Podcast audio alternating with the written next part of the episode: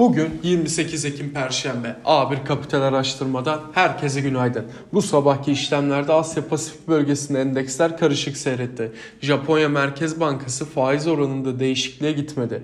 Bojun faiz toplantısının ardından yapılan açıklamada gösterge faiz oranının %-0,10 olarak kalmasına karar verildiği belirtildi. Brezilya Merkez Bankası faizi 150 bas puan arttırdı. Yaklaşık 20 yılın en büyük faiz artışını gerçekleştirdi ve Aralık ayında da aynı büyüklükte bir artışa gideceğini taahhüt etti. Sermaye Piyasası Kurulu Doğu Aras Enerji Yatırımları AŞ'nin hisse başı 110 liradan halka arz başvurusunu onayladı. Kanada Merkez Bankası Başkanı liderliğindeki politika yapıcılar Covid-19 salgının başlangıcından bu yana finansal sisteme yüz milyarlarca dolar akıtan niceliksel genişleme programını sona erdireceklerini ve devlet tahvil alımlarını durduracaklarını duyurdular. Petrol fiyatları İran Dışişleri Bakan Yardımcısı Ali Bakeri'nin Avusturya'nın başkenti Viyana'daki nükleer anlaşma müzakerelerinin Kasım ayının sonuna kadar başlayacağını belirtmesiyle geriledi. Altın fiyatları ise yatırımcıların küresel toparlamanın sekteye uğrayabileceğine dair endişelerle güvenli varlıklara yönelmesinden destek bulurken Fed'in Kasım ayında varlık alımını azaltmaya başlayacağına dair beklentiler değerli metal üzerinde baskı yaratmaya devam ediyor. BIST 100 endeksine teknik olarak bakacak olursak endekste 1511 seviyesi aşılırken yükselişle artan işlemin eşlik ediyor olması trendin devamı açısından olumlu.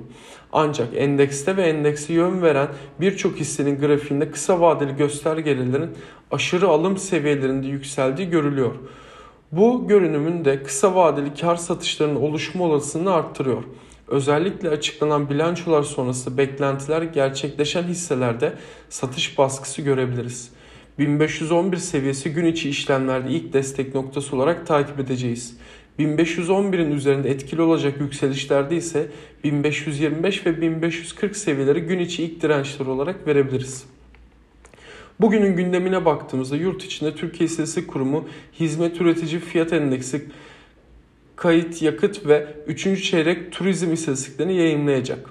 TCMM Başkanı Şahap Kavcıoğlu'nun enflasyon raporu ile ilgili bir sunum yapacak. TCMM'nin bir önceki raporunda yıl sonu enflasyon tahmini %14,1, gelecek yıl sonu tahmini %7,8 seviyesinde bulunuyordu.